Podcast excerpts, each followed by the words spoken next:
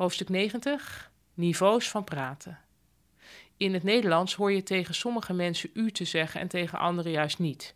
Dat is een beetje ingewikkeld, maar het valt in het niet bij het duizelingwekkende Japanse systeem van beleefdheden. Je kunt in het Japans op drie niveaus met elkaar praten, waarbij de onderlinge hiërarchie met elke werkwoordsvervoeging bekrachtigd wordt.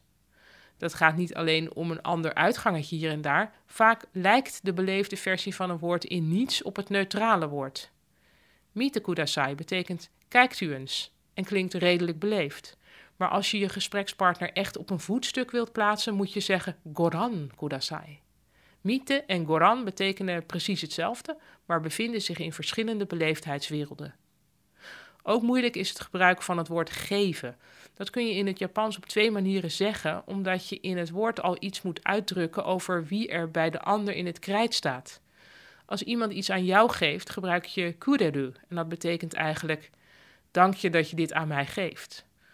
Als jij iets aan een ander geeft, moet je ageru gebruiken en daar zit meer iets in van ik geef dit nederig aan jou. Nog lastiger wordt het als je het over andere mensen hebt. Bijvoorbeeld Aiko geeft iets aan Hiromi. Wat voor soort geven moet je dan gebruiken? Wat de Japanner doet is dit.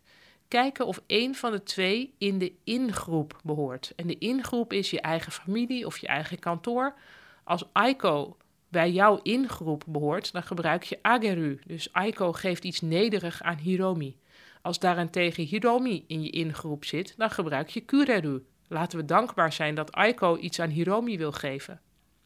Alsof dit nog niet genoeg is, kun je dit alles ook nog op verschillende beleefdheidsniveaus uiten. Japanners voelen feilloos aan wie het dankbaarst zou moeten zijn, dus wie naar boven moet praten en wie de meeste beleefdheid zou moeten tonen.